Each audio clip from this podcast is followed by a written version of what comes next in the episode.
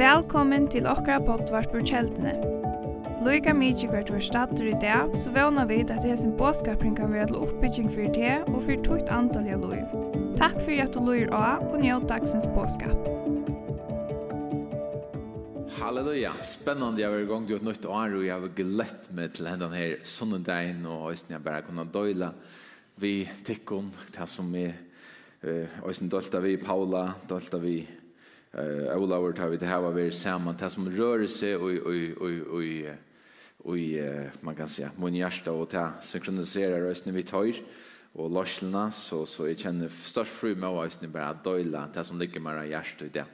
Och i början av januari så är det som man kände eh, något början man lägger som okej okay, Det blev ikke alt som jag husker i, i, i, i fjør, nødt byrjan, nødt mal og nødt og alt det der. Og det er så utrolig nok ting man kan takke fram nå i byrjan av Arne. Det er så nok ting som er viktig for dere kristna liv.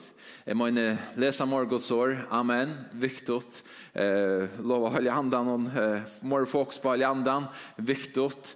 Eh, det er så nok ting som man kan takke fram.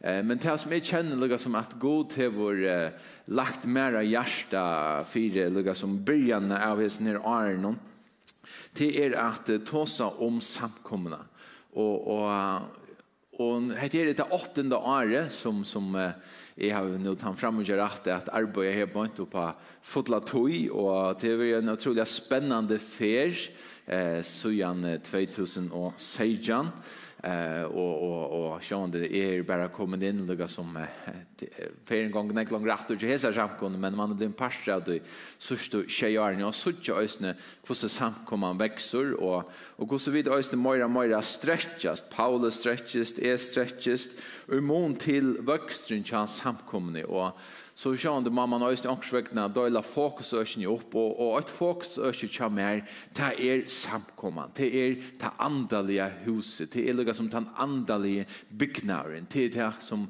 er verden brenne fire, og er mest i økene lukka som ta vekser er hesen her sted, og, og man, man strekkist og man er virkelig bruk for Guds nøye, ta man stendur og i i vøkstri. Og tog herman det også med at man høyrer imiska rødder som sier samkomman er ikke så viktig. Samkomman er ikke viktig. Det er bedre å møtes lukka som i smarre balkon og lukka som ankorsvekna fragmentera samkomna. Og er slett, du slett ikke suttje til øgelsåret. Jeg sutje og i Guds åre at Jesus han døye for sina samkommer. Han, han byrja i sina samkommer, og den første samkomman skulle være fordømme for resten av samkommen. Og det stender jo i Efesus kap, kapittel 5, 25, tid, men elskje koner tikkara, så Kristus elsker i samkomna, så at han gav sitt liv for henne. Så nek elsker Jesus sina samkom. Og samkomman hver det til to er. Vi sørger flotta bygningar, flotta kyrkjebygningar, imsastannes, og ta vittnar om en arv, men ta mykje ikke at det som er innanfor tar bygningene er lov og kraft, og så videre, så videre. Jeg og to er å vi å skapa livet. Jeg og to er å til å mynda og forma samkomna. Resten til karmar og omstøver som vi kan omstøver bruka til lukka som er føra til og verk som vi nå øyne for når kjenner at Herren løyre okken til.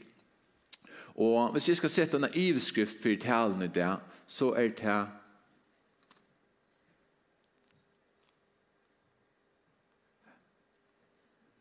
så borde jeg haft en tromme, effekt. Her kommer han, bom. Sam, og en samkomma fløyre atterlig. Og Jeg kunne jo sagt, og en samkomma fløyre atterlig samståndes. Vi kvart tog man, ja, nu er åtte atterlig færre, ja, så må den neste takka iver. Åtte atterlig færre, om den neste må takka vi. Og tar vi tog på tannmaten, så vil kristendommen alltid være åtte atterlig fra at dodge ut. Men kunne vi hugsa at vi er fløyre lø av atterligen samståndes under samkommet så vil jeg vidt øyne trytja at det er en samkomma i morgen, om 20 år, 20 år, 30 år, til han det som Jesus kommer atter. Og det er dette her fokuset som er atlmer at hema, og som jeg kjenner er eh, øysene profetisk. Jeg tror det er to som hever hetta som til et andalige høym, at du virkelig han teker den her båskap til du, og to som, nu er det ringt kjell vever det, så til det er fløyre av strøymingen i øysene, at du som er via strøymingen og hever kjeldene som til et andalige høym, at du virkelig han teker den her båskapen øysene til du. Um, og jeg tykker vi også at han er til okkara land, til det kommer til samkomme arbeid eh, og i atterlige. Um, to ta i hitje iver okkara lukka som samfella og tampart av høymnen, så suttje øyne nekvar oppdøylingar og i samfellan. Lukka som tei ungo, tei var kors i en kategori for seg. Tei gomlo, tei var kors i en kategori for seg. Og lukka som tei som er her midt i midtelen, tei var òsne dølt opp. Det blir en øylig fragmentering i samkomne. Lukka som det er ikke naturlig, ikke atterlig noen lukka som naturlig, jeg søker for en annan, Uh, Tvørste med det så er det, ja, men tidigare det så sådär men heter en honor tog nu gör vi det på hendene maten. Og vi lever øysene og en tøy her som eh, til en utrolig individualisme. Her som alt er og så egen fokuserer i. Og jeg sier ratene bæja oppdøyling og i samfunnet og individualisme. Det kan øysene komme inn og i samkomne. Det er veldig lagt at det som er ute i høymen, noen til øysene kommer inn og i samkomne. Det er så gjør du skriftene, så gjør du nødja testamentet. Men Jesus sier alle tøyene at tid er og Ikke eh, tid er ui hesner høyme, men tid er ikke av hon. Det vil si at vi kunne være mødvekt til det rake som er i samfunnet. Og det som jeg halde være eh, øyelig interessant, til tar vi hitja etter til aller, aller søgneste skriftstenen i Gamla Testamentet. Um, det er eh, profetera om løy omlai 400 år åren Jesus ble født. Og ta stendes så løsner. Og etter så Malakia som profeterer hetta. Og hetta er sjåvandig i en sammenheng og en av støvå som er her ta. Og Men i halde i årene skulle ångsvekkene eh, tala til okken nøysene. Her stendte så løsner, jeg sendte til Elias, profeten, Arjen dævor herrans, hins store og øyelig kjemer. Han skal venda gjørstun fedrana til bøtnene, og gjørstun badnana til fedrartorra. Så jeg kom ikkje og slaget landet vi banne. Hvis du hoksar om meg til her, så er dette nokre utrolig olvars år. Han tås om at han skal senda tikkun Elias, profeten.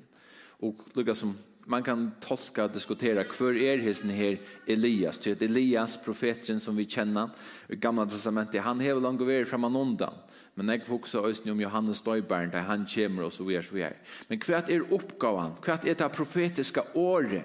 Jo han skall vända görstund fedrarna till bötnerna och görstund badnarna till fedrarna til oppgaven tja hesne, til den sørste hølsanen og i gamla testamentet år vi koma inn fyra 400-400 skjøttene inn i Nudja Testamentet. Så det er en båskaper til de som lever og i Nudja Testamentet.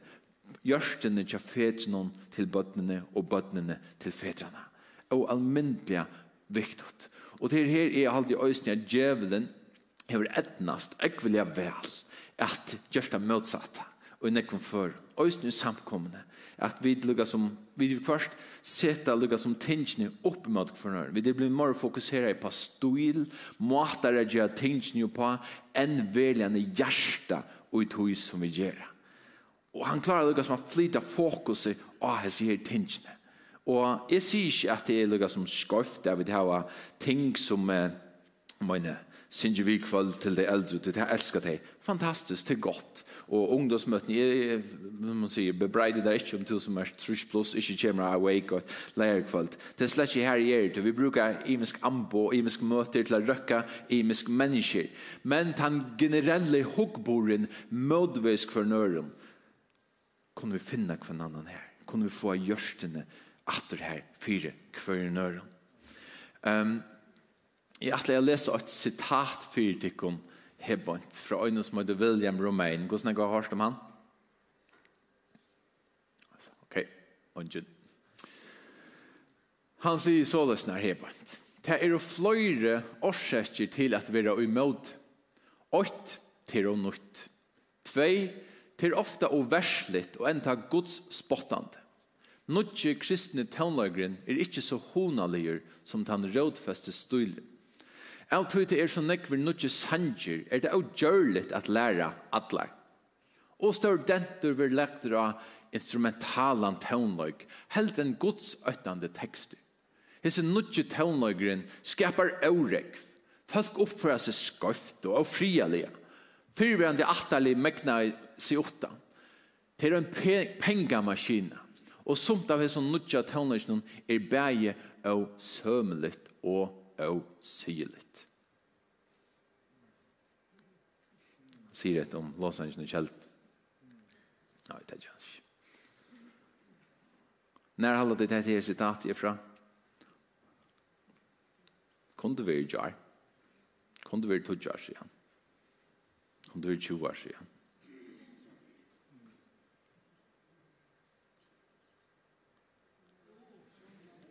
Sier han så tror ju. 300 år siden. Ups. Og etter det ble mittel anna skriva som en reaksjon på mittel anna til som vi skulle høre helt stått nå.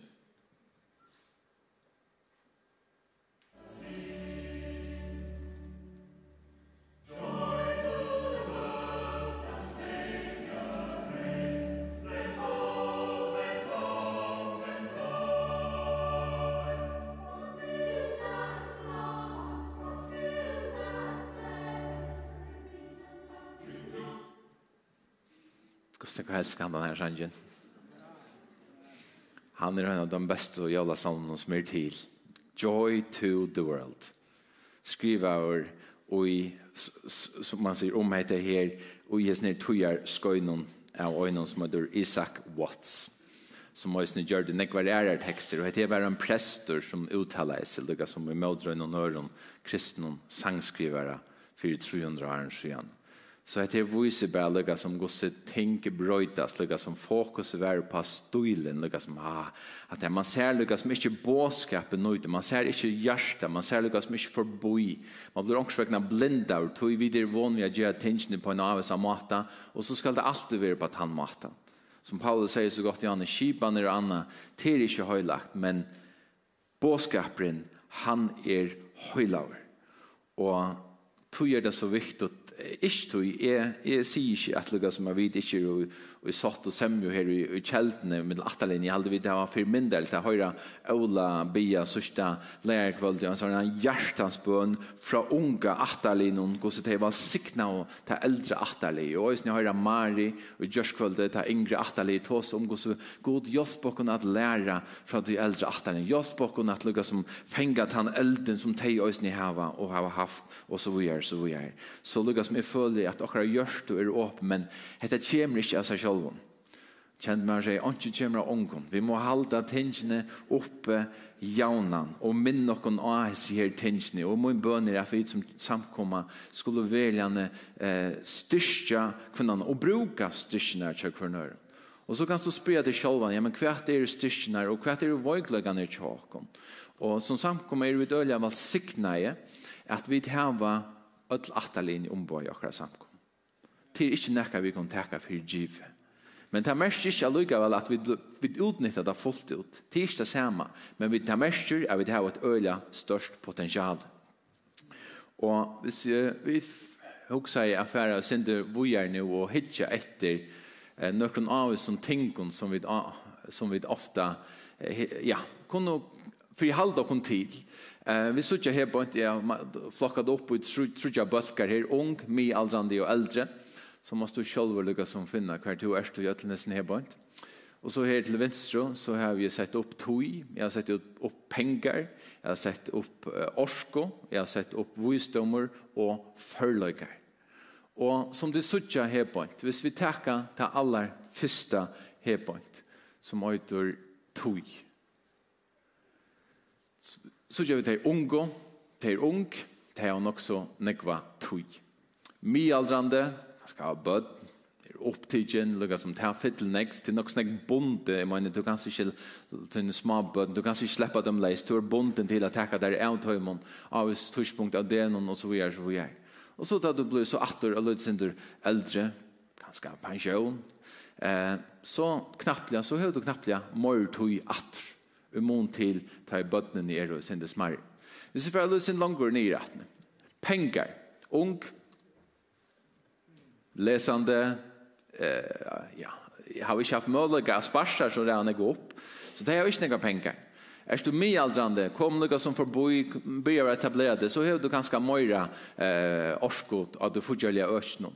Og to arbeider, du først løn og alt dette forskjellige. Da du blir eldre, så ganska, så først liva av pensjon, som jeg mår, som jeg minne, men ganska så er det snart. Og løy du sin minne enn hva du annars har haft om to arbeider for det tog. Så kunne du også ikke etter orskene. De unge, de er, man kan si, har gått gode så, og i fleste føren, de orsker nek, hun er ikke tatt suttje av døsen i akkurat samkommet, og de unge, de er de er nek virkjen, de er nek orsko, de er nek tøy. Og så, de er mye middelaldrande, de har også og lydesindur, eh, Moira, ikke lyga nek som de unge kanskje, men de har stadigvæk orsko, de er jo vel fyrir ligamlega, og så videre, så videre. Og så, så kommer de eldre, zrum, så er orskan ikke akkurat lykka. Som hun hever, halsan er ikke lykka stersk, eller lika mye, halsan kan være gøy, men lika mye kanskje to. Og det er ganske hardt at jeg kjenner, men det vil vise seg at orskan er ikke den samme. Og man vil det litt, Henning han er en undantak, men annars er det, uh, orskan, hun er hon fer delande, det er bare en pars av løvnum. Og så får jeg hitt etter til sørsta, visdommer og førløyker. De unge, de har ikke noe løftsrønder, av gøy om grunnen. De er jo, de har livet så stort. Ehm och det har kanske helt inte uppväxt så såna går förlag. Jag märker inte att det inte har det men det är inte uppväxt allt än. Men hur gör det med äldrande? Jo, det var en för lustrande, det var uppbyggnad kanske, det var arbetsrunder och så framvis. Har brukt sina godgivna gaver och tjäna och arbeta ädla. Geva sina arbetsmejl och så och, och så få att hej lukka som visdom och förläggar ösning av tog. Hittar det att de äldre lengt liv, nekva livsrent. Vi er noen, som man sier, delar og fjøtt, sorg og glede, og så vi er, så vi er. Nekva livsrent. Og heit her er samkomman til okkom. Hvor vi ser, så sutja vi til bånd, hvis vi lukka som køyra, uh, man er baten, tog som man køyra skåt i middelen, så det er snarere lukka som er vattnet, landiska færa lukka som overalt. Hvis vi køyra skåt i middelen her bånd, individuelt, så sutja vi lukka som jo, de unge er stersk og tog og orsko, men det har jo ikke nekvar, eh, pengar och, och, och visdom och så vidare. Så vidare. Hinvein, i middelaldrande, de har ikke noe tog, men de har mer pengestyrke, de har mer orsko, de har også mer visdom. Og så til de eldre, de har nærkere styrke, men akkurat våglag. Det som er avhåverst, hvis du kører alle disse her tingene saman under åkt, så sørger vi at våglagene tja hverjen atterlige er å dekke i tverrferer av hinnom atterlige vi att komma samman och bruka styrkorna tjak för i norren så däckar vi i vår vojklöjkan tjak för i nattarlig. Tar vi ett arbete samman upp att först av som man säger aldron och så vidare. Vi flyter lugga som tär grönserna. Så det här är näkad lockon att huxa om. Wow, ja. Yeah Du er trygg vi at det er så nek potensiale i akkurat samkommet, men lukka som vi må få bruka ta. Jeg mener, at det er gods rydg, at andre er bare effektivere i gods rydg, øyne. Jeg bruker styrkene tja hver nøyre. Og til skulle ha et nytt sitat fra Big Walsen som er oppfunnet i 2024. Kristendommen har ikke råd at ataline ikke virker sammen. Vi har ikke råd til at vi ikke virker sammen. Vi må arbeide opp at først. Om du ikke mener bøkstavljene gjørste, men så kan du stadig ha et hjerte fyrt, et hjerte der. Og nå husker du kanskje, oi, han mener vi med som er blind trus, med som er blind halvfjers, eller med som er blind halvtrus, nei. Jeg mener akkurat lukkene til de som er 20 og de som er 15 at det gonger boar veier. Og til som er 20, du sier, ah, jeg kan jeg hjelpe Ja, du kan stedja nere etter. Du kan hjelpe fløyre som er yngre enn du. Og så vi er, og så vi er. Så det er så utrolig viktig. Og jeg tykker vi at vi kommer ikke som samkommer inn i okkara fotla potensiale før vi virker fullt sammen. Vi kunne avrika nekv, fantastisk, men vi kunne avrika enda mer tar vi det og tilvidda om med det. Jeg er jeg teka nokkur dømer ur gamla testamentet hitja og det etter Trimon Kongon som øysten lyser vel til som heter her Snursjo. Og den første kongren som jeg hitja etter, han øyder Rehabiam. Og Rehabiam, han er sonur Salomon. Og vi vet jo at Salomon er son David, og Salomon han eh, fikk slappa bygja tempelet, og han levde som han og Einar Fnær det. Og da han dog så tok han sånne som heter Rehabiam vi til hon. Og sånn Rehabiam, han sjående nå var pappa som ikke her, han er ikke nekken lukka som pappa rafra oss vi, eh, så han rønte lukka som har sutt etter, ja, men ok, jo, her er nøkker som har vært rundt om pappa, jeg får lukka som at spyrja, kvart kvart halda tøyr at eg skal gera nú tøy at her heyr nakka at gera vi kussi han skuldi nú umsita at her ruiki kussu han skuldi umsita Israel og alt dei falsken sum big sum bu her ja Salomon han er lagt imska skatter imsa sans falsken skuldi betala skatt og så hugsar eg her men skal eg gera vi heter her. Hvordan skal jeg frihalda meg til jeg som er nødgjør, unger, konger? Hvordan skal jeg frihalda meg til dette? Og så stender det således når jeg fyrer kongabrøk kapittel 12 fra vers 6 til 8. Rehabiam kongur raförde sig nu vid hina gamla. Han tog så gott. Raförde sig vid gamla til gott. Tar som av liv og lunchen, det kan visdom, rönder og allt det forskjellige. Tar høyt og steg, og i tjänast og tja Salom och färg hans rett, har han levde. Han spurte tar, kvärt roa tid mer at svære här som följt. Tar svære av honom. Om to i det er det som följt til vildar, gjerst som tar sida vitte, og svært tar vi gå norren så vera tar tøyner tyner det her. Wow. Gå bra. Men så sender det et men. Men han för ikke etter ravnon og i henne gamle lødde honom. Men raförde sig vi tar unge og i vår vaksne upp sammen vi honom og som nå stod i tjeneste til honom. Og til som tar unko raförde han til å gjøre det var å legge en tingre byrer og etter følg. En tingre skatter. Og hvert var urslide av hesten her. Jo, vi videre da. Rydje for utvei. Og en ekstrem stor avløying av vanaligere raførslo og vanaligere avgjør. Etter var en unger, avrønder personer som ikke ville takke røyene til de eldre atalinon til ettertekter. Nu sier ikke at det er noe skøft å spyrja det unge, men du kan spyrja bæg, og det gjør det. Men han, ankersvekkene, kom noe ui honom som gjør det, vars du vet, jeg vil kanskje sindra stoltlyga, kanskje sindra maktdemonstrasjon, som vifförde seg av en vantande eimugløyga, og som gjør det her bråte, øyna for nær, for alt og fire Israel. Og det var ångan til å være ta samme sujane. Så det er en større lærdommer for åkken. Vi mener, man, vi er undervis nå om gamla testamentet i, i, i, i Bibelskolan. Og vi kunne lære øyne nek av gamla testament. Det er utrolig nekve lærdommer av håndta her. Og her så jeg ut åt døme om her som det ikke er visdommer fer fram. Her som det ikke har lukket som eh, finner det besta bursjur. Og det er ekvel, ekvel, syrkelig, ta i møller ikke vær her på. Så det er åkt døme her som det yngre atterlige som ikke vil luja eller fylgja raun og ta tja til eldre. Så fer jo för fer av vujar hit etter två mun örun kongon tar öda Esekias eller Ezekias eller Hiskia om du brukar Jakob dansa tog och Josias. Og du kan lese om det i kongabøkene og krønikebøkene.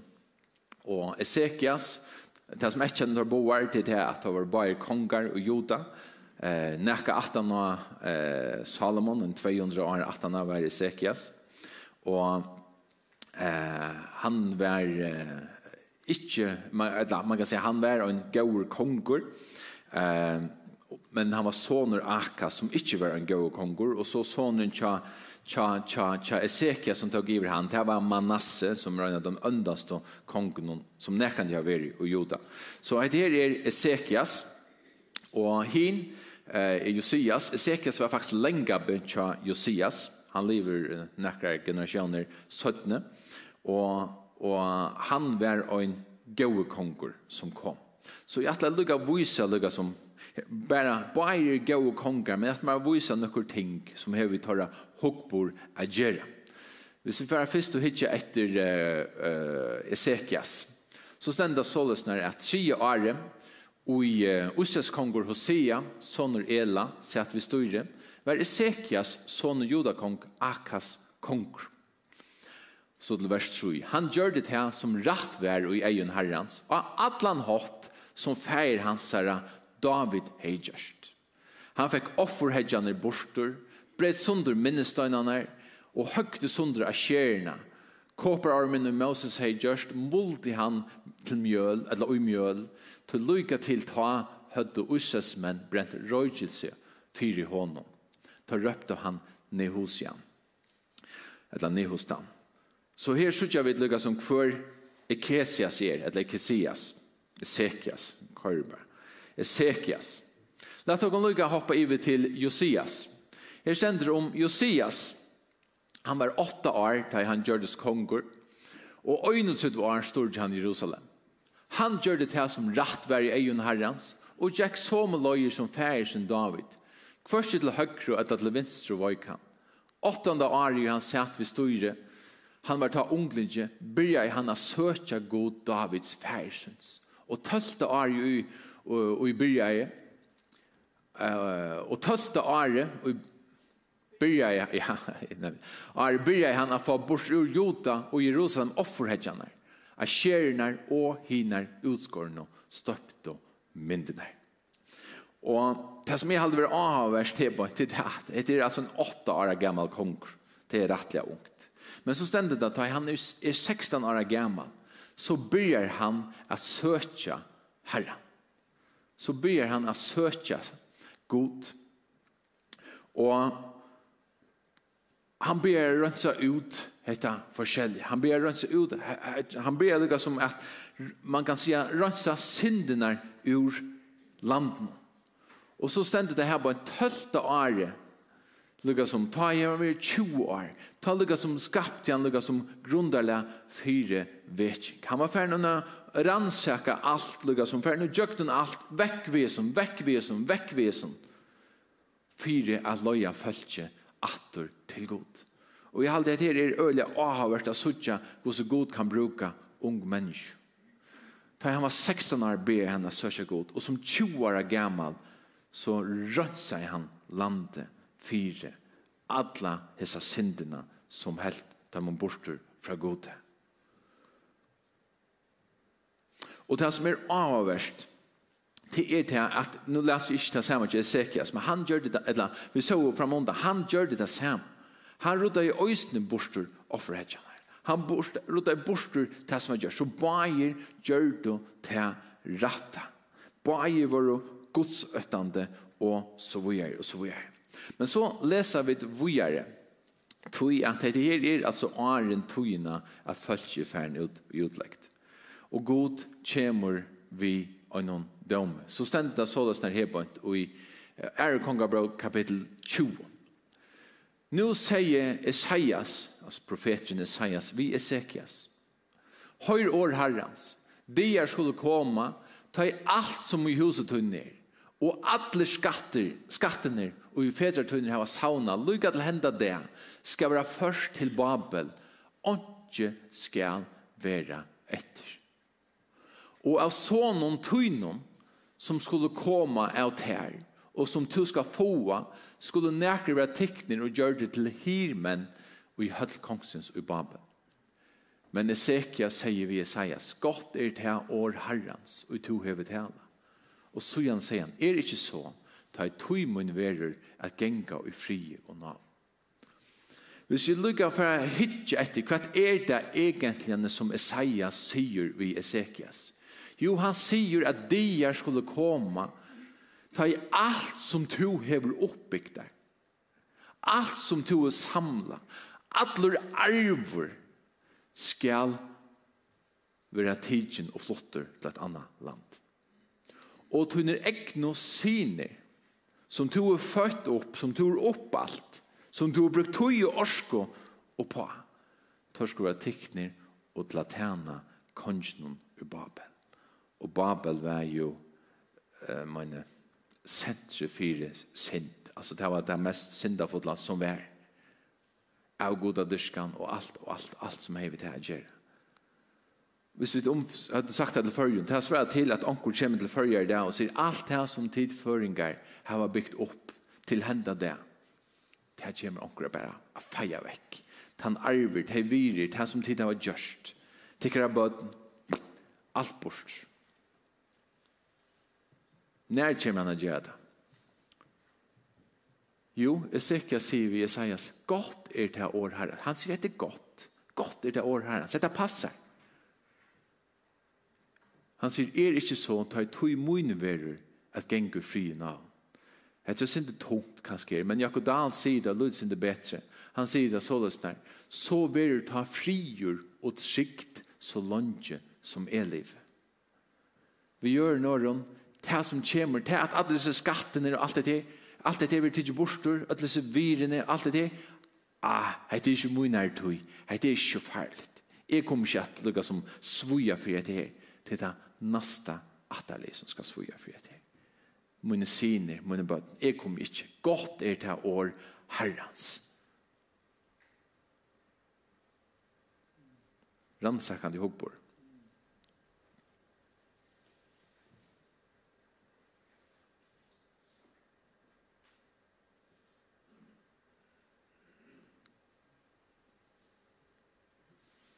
Hvis vi så færa ivet til Eichetter Josias, han fær øysni a vita om den da dømen eller vannlokna. Og han sier så det snar i 17 kongabok 2.16. Så sier Herren, jeg lærte vannlokko komme iver hetta sted. Og de som her byggva, alt det som stender i bøgjene og judakonger hever lise. Og så forklarer han kvært og kossi og kvært, så vers 20. Tui skal e sauna te, altså Josias, til fedretunar, og tu skal ui frie saunast vid høymon ui grøvtunar. Eiotunar skulle ikkje koma sutja alla vannlokna ui e lete koma ivor hetta sted. Vi hesson svære kommer tar atter til Josias.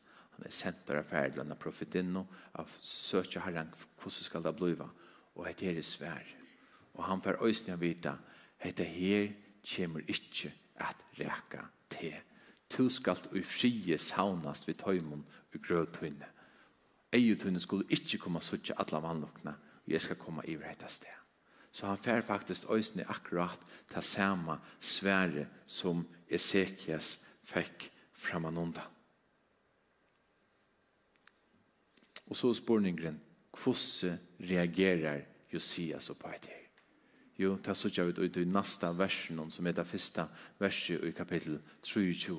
Han sier så sånn, «Nå sender kongren på etter ødlån hinon eldstå og joda og Jerusalem. Vi ørnåren, han samlar lasens lorslo og tar kom og saman tja honom. Og så skulle vi nu lesa om en løtto om alt hei, alt hei bersk, hei tiltøk, i Josias sett jo gongt fire at fire fyrbyrja at den här vannlokkan skulle reka til nasta atterlighet. Og her sutja vi tvær imiskar kongar. Tar høyra, lukka som tar gjerra nekva av det samme, tar er gauer, tar av få gaua områva i, i skriftene, eh, tar få den samme domen, men tar hava tvei holdt imisk attersverd. Ta nøyni huksar, ikke problem. Jeg livet og i munar løftøy. Jeg tjene gode. Ta mine dier er litt ned. Ta som kommer atana med. Ikke sier. Og etter her er öljande som man säger. Och vi kunde finna folk som har den här hopborden. Ja, men nästa attali tisch är viktigt. Så långt som är har det gott så er ikke problem. Det er også, ja, men David konger, hva gjør det David? Ja, men han tante bare god til Lukas, og så døg han, og så var det livet. Men det som man glemmer vid David, til det, hva gjør det David? Jo, han samlet inn alt som skulle til for at Salomon skulle kunne bygge tempelet. Han ettergav nækka til det neste atalje, så det ikke skulle stekka vid hånden. Og til det som er trygg vi at vi skulle lære er. Det skal ikke stekka vi okko. Selv om det ikke avvirsker Josias, så vil han gjøre alt fire at arveren, det som var oppbyggt, det skulle ikke stekka vi hånden. Det skulle fære vujer til neste atali. Så det er jo en katastrofa hvis det stekka vi hånden. Og så så Og vi sutja lukka som tjøkt noen skriftene at her er jo ære personer som òsne hava haft hette her hjertalei. Hvis vi tidsja etter Nehemias, hva gjør det Nehemias? Jo, han var vun skontjare tja kongen, at han var skontjare. Han gav hans og smakka alt og er en kongren fikk det, for jeg trykker seg at hvis han, Nehemias ikke døye, ja, men så var det trygg tja kongen å drekke. Hva gjør det? Han levde jo her i Babylon. Men han fikk en nei for Jerusalem, da han hørte at Jerusalem ligger i øye. Jeg må gjøre noe vi etter. Det var en nei som føddes i hans hjerte. Jeg kan ikke bare lete standa til. Han prøvdes ikke. Han heter sikkert utmerska av en tjener i kongshusen. Han fikk sikkert supergå mat og alt annet som man nu kunde øyne for en drøm om som er det flotteste kongapalassen som vi har tatt i tøyne men det var en nei som førte han atter til Jerusalem. Og på två alter stier, så røste han murar Jerusalem opp atne. Og var vi undan gång man fylla andalja løyve kom lövvattnet till søttene tempelet blev bygd, og så vi her, så vi her, så vi her. Han fikk en nei som førte til en handling. Hittar dette David. hva var David? Jo, han var en hyre man kan säga tack och och och han säger fyrra fyrra arna han säger löve han var en hyre och han nu gav sig världen bara en bobber han för pappa sände han till till sinna Hina botjarna chassar som var framme i fronten. Vi forskjellige mäte vi försörjningen av vi skulle slä. Det var han. Men så en där så höjer han den här Goliat. Hoa urselsgod och till näka någon som säger att det kan inte stanna modell till. Hette her kan jeg ikke lette genga fyre seg at han spottar min god på enda maten. Det føltes en nei i hans herre løyve. Og han tog Goliat. Han følte det var en, en, en, en handling. Neien følte til en handling. Hikk gjør det til Jesus som er største fyrdømme. Han bjøds til ikke å komme ned sier jeg. Jeg tror han heter fantastisk oppe i himmelen. Amen. Han är det fantastiskt uppe i himmelen. Men han är en nei för tær och för mer. Tøy lett han sig födda inn innan den är hem. Och tog han strui som han slett inte behövst. Men han gjorde det för att vi ikke skulle fortepast, men här var evigt liv. Så det kan man hitta etter dømen som inte bara hukt seg om sig selv, men hukt og långt. Och det är det som is eh Josias gjorde hvis vi tidsja hebba, hva gjør det Josias for å få vetjeng atter? Jo, her er flere ting som han gjør det. Han leste noe som satt med alle bøkene for ødelen følelsene. Han visste dem atter av Guds år. Hallo, hette det som vi må for halvdagen til. Hette Guds år. Og han gjør det satt med alle vi god for alt følelse at de skulle halda på vittnesbrønner og fyrkjøpene av ødelen hjertet sin. Han brende i alt som hei vi avgoda durskan i templen han Gjøre. Han sette i av allar avgoda prestnar, tar som lott og fölkje og i ofør. Han har løye stegi her for eldur offra av sine bøtten til målokk. Man kan bare hoksa hva det er for samfunnet, hos lengt etter vi. Målokk for hva det er, jo det var en høyen goder. Og hva gjør det? Jo det offra av pinkebøtten til hans herre. Man kan bare hoksa hva det er for samfunnet, her som det offra av hetta. Han fikk alt det her bort borstor Og så gav han falskene på om atter halda påske. Hvor det? Jo, for jeg minnast atter hva det er som god har gjørst vidt deg. Det er var utreal i Egyptlandet. Han mynte det lukka som atter back to the basics, altså atter til røtene. Og så gjør det han nekv, nekv at rett. Atter her, han pjøtes til ikke å gjøre det. Men han fikk en nei av tog som han hørte fra hessen her profetinnene. Og det er det samme. Vi kunne høre den gode taler, nekva gode taler, og sier, god taler, preach it, godt. Men hvis det ikke vet jo, enn nei, hvis det ikke gjør noe vi okken, så kan alt gjøre det samme. Hvis det ikke fører til noen handling, så er det ikke en veldig nei for noen. Ja, jeg har sånn en nei for noen her. Hvis du er nei for noen, så gjør det nekka vitt. Nå, nå blir det bare herre. Hvis du ikke har nei, hvis du virkelig har nei for nøkron, så gjør du noe vitt.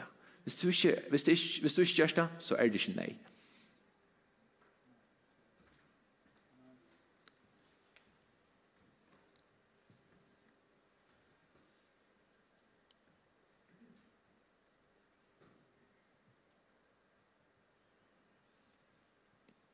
Hvis man skal gjøre det for nye støver, ut fra tog som vi suttja her på en så kunne vi si at det er et stort skikt menneske hoksa om tryggløyga og søgne luftstøy.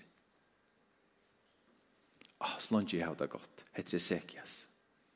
Slange jeg har det godt. ah, ah, døylig, trygt, døylig. Åh, oh, syndet høymen. Ah, det er finnet det. Men menneske som hoksa i atterleien vilja trygga framtøyna og søgne luftstøy. månen er så langt som to lever, så vil du gjøre en innsats for at dette skal ikke stekke for det. Det handler ikke bare om det. Det handler ikke bare om tøyen tryggløyga. Om tøyen lykke som med mine. Nu har vi nekva gåar familjer lykka som. Vi tar tøyen en familie her bant. Og bøtten og ombøtten og appabøtten og alt det her. Og det er fantastisk godt. Men jeg håper at tøyt og mot hjärsta vil at det kommer til Guds rydges arbeid, at det kommer til samkomna, ikke bare strekker seg til tøyne, men det også strekker seg forbøyde til ødel. Tu som føringar så er vi et folk av tryggløyka. Vi elskar tryggløyka. Vi hava det så enormt tryggt. Som man tar sjaferast, tøy man farligt bengen, tøy, hva ikke hender. Trygg, trygg, trygg, trygg.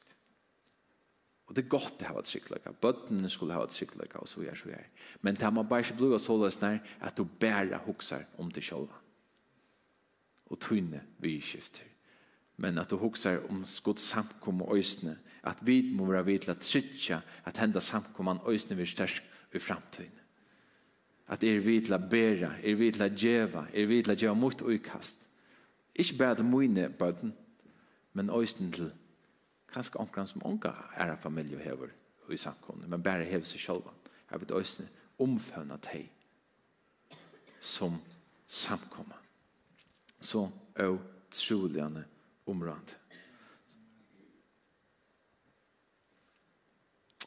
Jeg atler jeg nå å få noen personer opp her på en. Jeg har tåst av vidt ikke frem av noen dag. Kom tid bare lykke å komme en og stille dere her. På av veien. Bøy nei.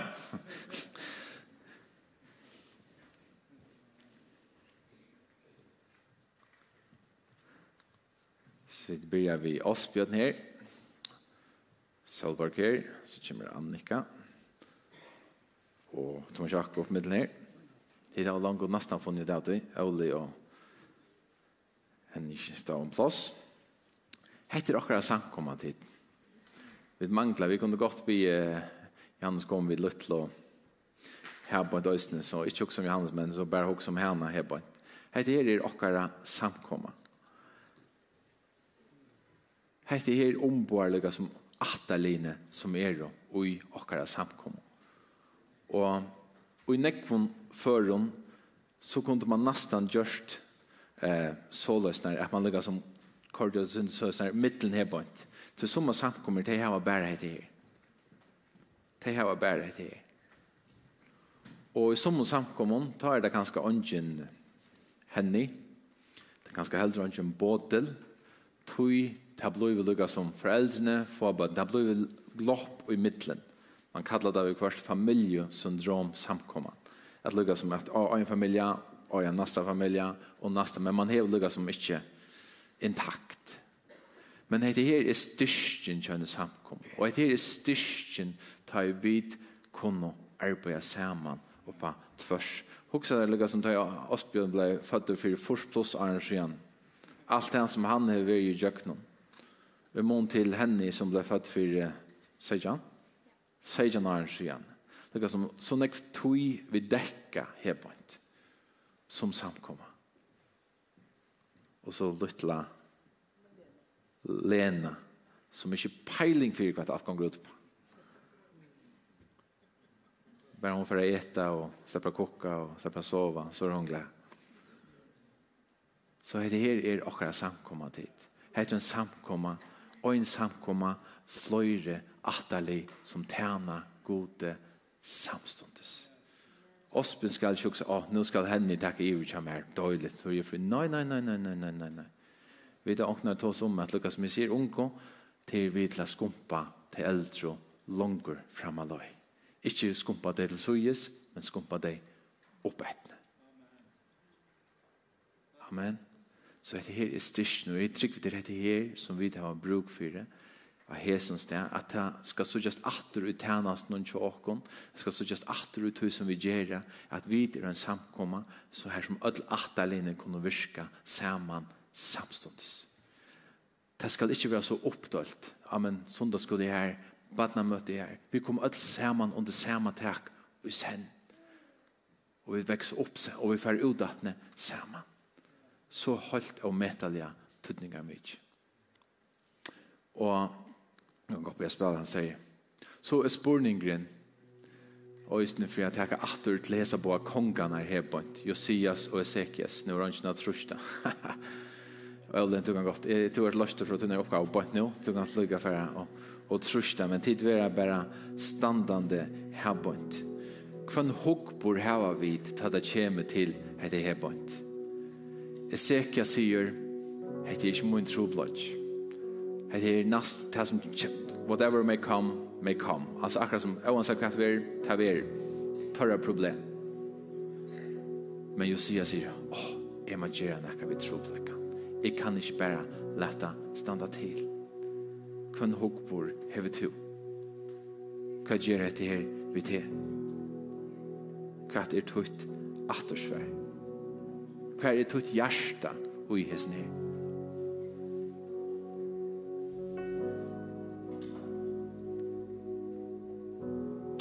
Så vi tar i sutt akkurat samkommo, så halte jeg at vi er jo fætla takksammer og fætla takksam for det som god og røst opp av hessen her sted, og kunne være parster av tog Men det syk vi at det er oss for nek til et potensial her som enn ikke får uh, utlåst enn. Det syk vi kunne gjøre så så rævlig enn jeg mer. Og det handler ikke om umodel aktivitet. Vi sykja jo det unge kiba for nekvon, fantastisk, stoledøm og i tøy. Det gjør ting, eventer, stoledøm og i tøy men minns, vi må bare minnes til at jeg kunne ikke gjøre alt. Og ta jeg, hvis vi skal hitje noe som etter noe demografisk, demografisk etter akkurat samkommet, så, og minst, nå må du passe på, jeg pøyde ikke ut nekkeren, men ta jeg sutt akkurat samkommet og hukse om tikkene som er holdt trus pluss. Så sutt jeg et au-utlåst potensialet Jeg merker ikke at tid, men tid har vi vidla bygd det her opp. Og, og, og, og, og til mye miskjelja meg på nekra maten. Men jeg synes ikke at det er god hever sånn jeg møyra til tikkum. At tikkara tog er ikke lio. Det som tid har bygd fantastisk, men det er nødt tog. Her som oppgavene kan skal tekka seg ørvis uttrykk. Etter snir ivelid noen som vi tatt og jane, tikkara lufsrønter, tikkara dikter, tid det var nekva at jeg kunne hava arbeid lunge ut i en arbeidsplass, og brukte ikke god givne gaver. Men det tykker vi øysene at god til givet deg just til her gaver, for øysene er kunne valsikna samkomna. At føla samkomna enn langer aloi og av oss økken. Tog tid hoksa og lødsens arbeid, tid er mer byggvinn, eh, tid er som sagt mer rønder, bare på godt og ånd, og så vi er som vi er. Og vi tar bruk for deg vi tar bruk for deg. Jeg tykker hvis vi skulle røkke akkurat fotla potensialet inn i alt det han som god, så tykker vi at vi skulle sutja tikkum møyr og i avisen oppgave.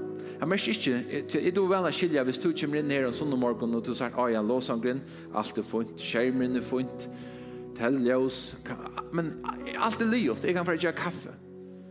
Men så blir jeg godt tro ikke nekk morgen en sånn morgen. Tikkere dikter som kunne brukast i tjensvik, hjälpa människan, tåsa vi mennesker, rådgöva. Ta som nu øyne for en god løy til honom. Og jeg vil bjøre til av at lukka som søkja god fyrir i østen tunn løyklod og samkomne. Og jeg vil møyr og vi vil jeg møyr byr til Paul Jastrid, vil jeg møyr enn gjerna letja øyra til hva ligger at ikkra hjersta. Det her som jeg kjenner fyrir okkara samkom, det er vi der av inn i noen nudja fasen og her er det bruk for tikkum. Det er bruk for tikkara diktum, det er bruk for tikkara vujstomme, det er bruk for tikkara førløyene, og ikke minst tikkara røntene som er god. Til tid har haft en troer anda som er båret og født et herfra. Vi tar framvis bruk for det. Takk tid som jeg var steg framme og omboa samkomna så vel. Så gjør det om hot.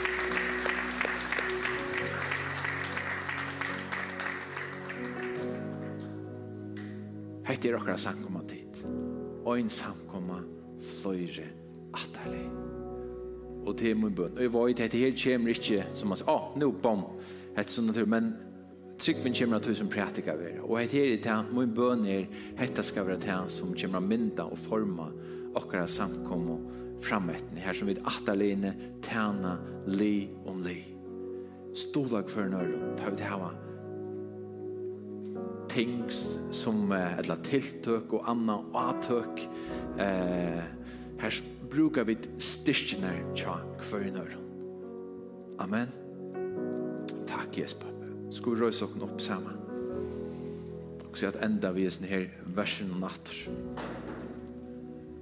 Jeg sender til kun Elias profeten Arjen daur herran sin store og øyelig kjemur Han skal venda gjørstånd fedrana til bødnene og gjørstum badnana til fedretøra. Så jeg komi ikkje og slaje lande vi banne. Ta sentrala og jes nir til gjørstene. Til gjørstene tjokk, At vi hava hjärsta fire kvørnøren. At vi hava ena nei fire at hjelpa kvørnøren. Og vi kvørst så mest er at jeg må sette mot egna til suges for Guds rydges beste. Vi tar et holdt, vi tar kunne ha størska møyningar om imens ting, men det er ikke alltid at her møyningene er så godgjøvner. Amen. Det er ikke alltid at her er så godgjøvner. Så vi tar også et holdt som er rettelig størst til tøyr. Hvis du ikke er dans, så kom bifirmer, men jeg har det jo først. Et holdt som kan være rettelig størst.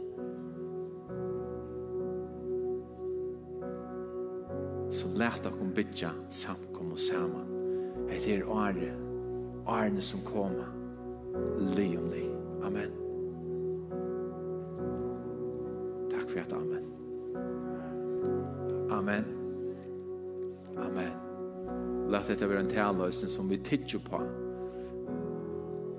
Og suttja etter hver, hver er i er og jesen her. Så det kommer til just dette.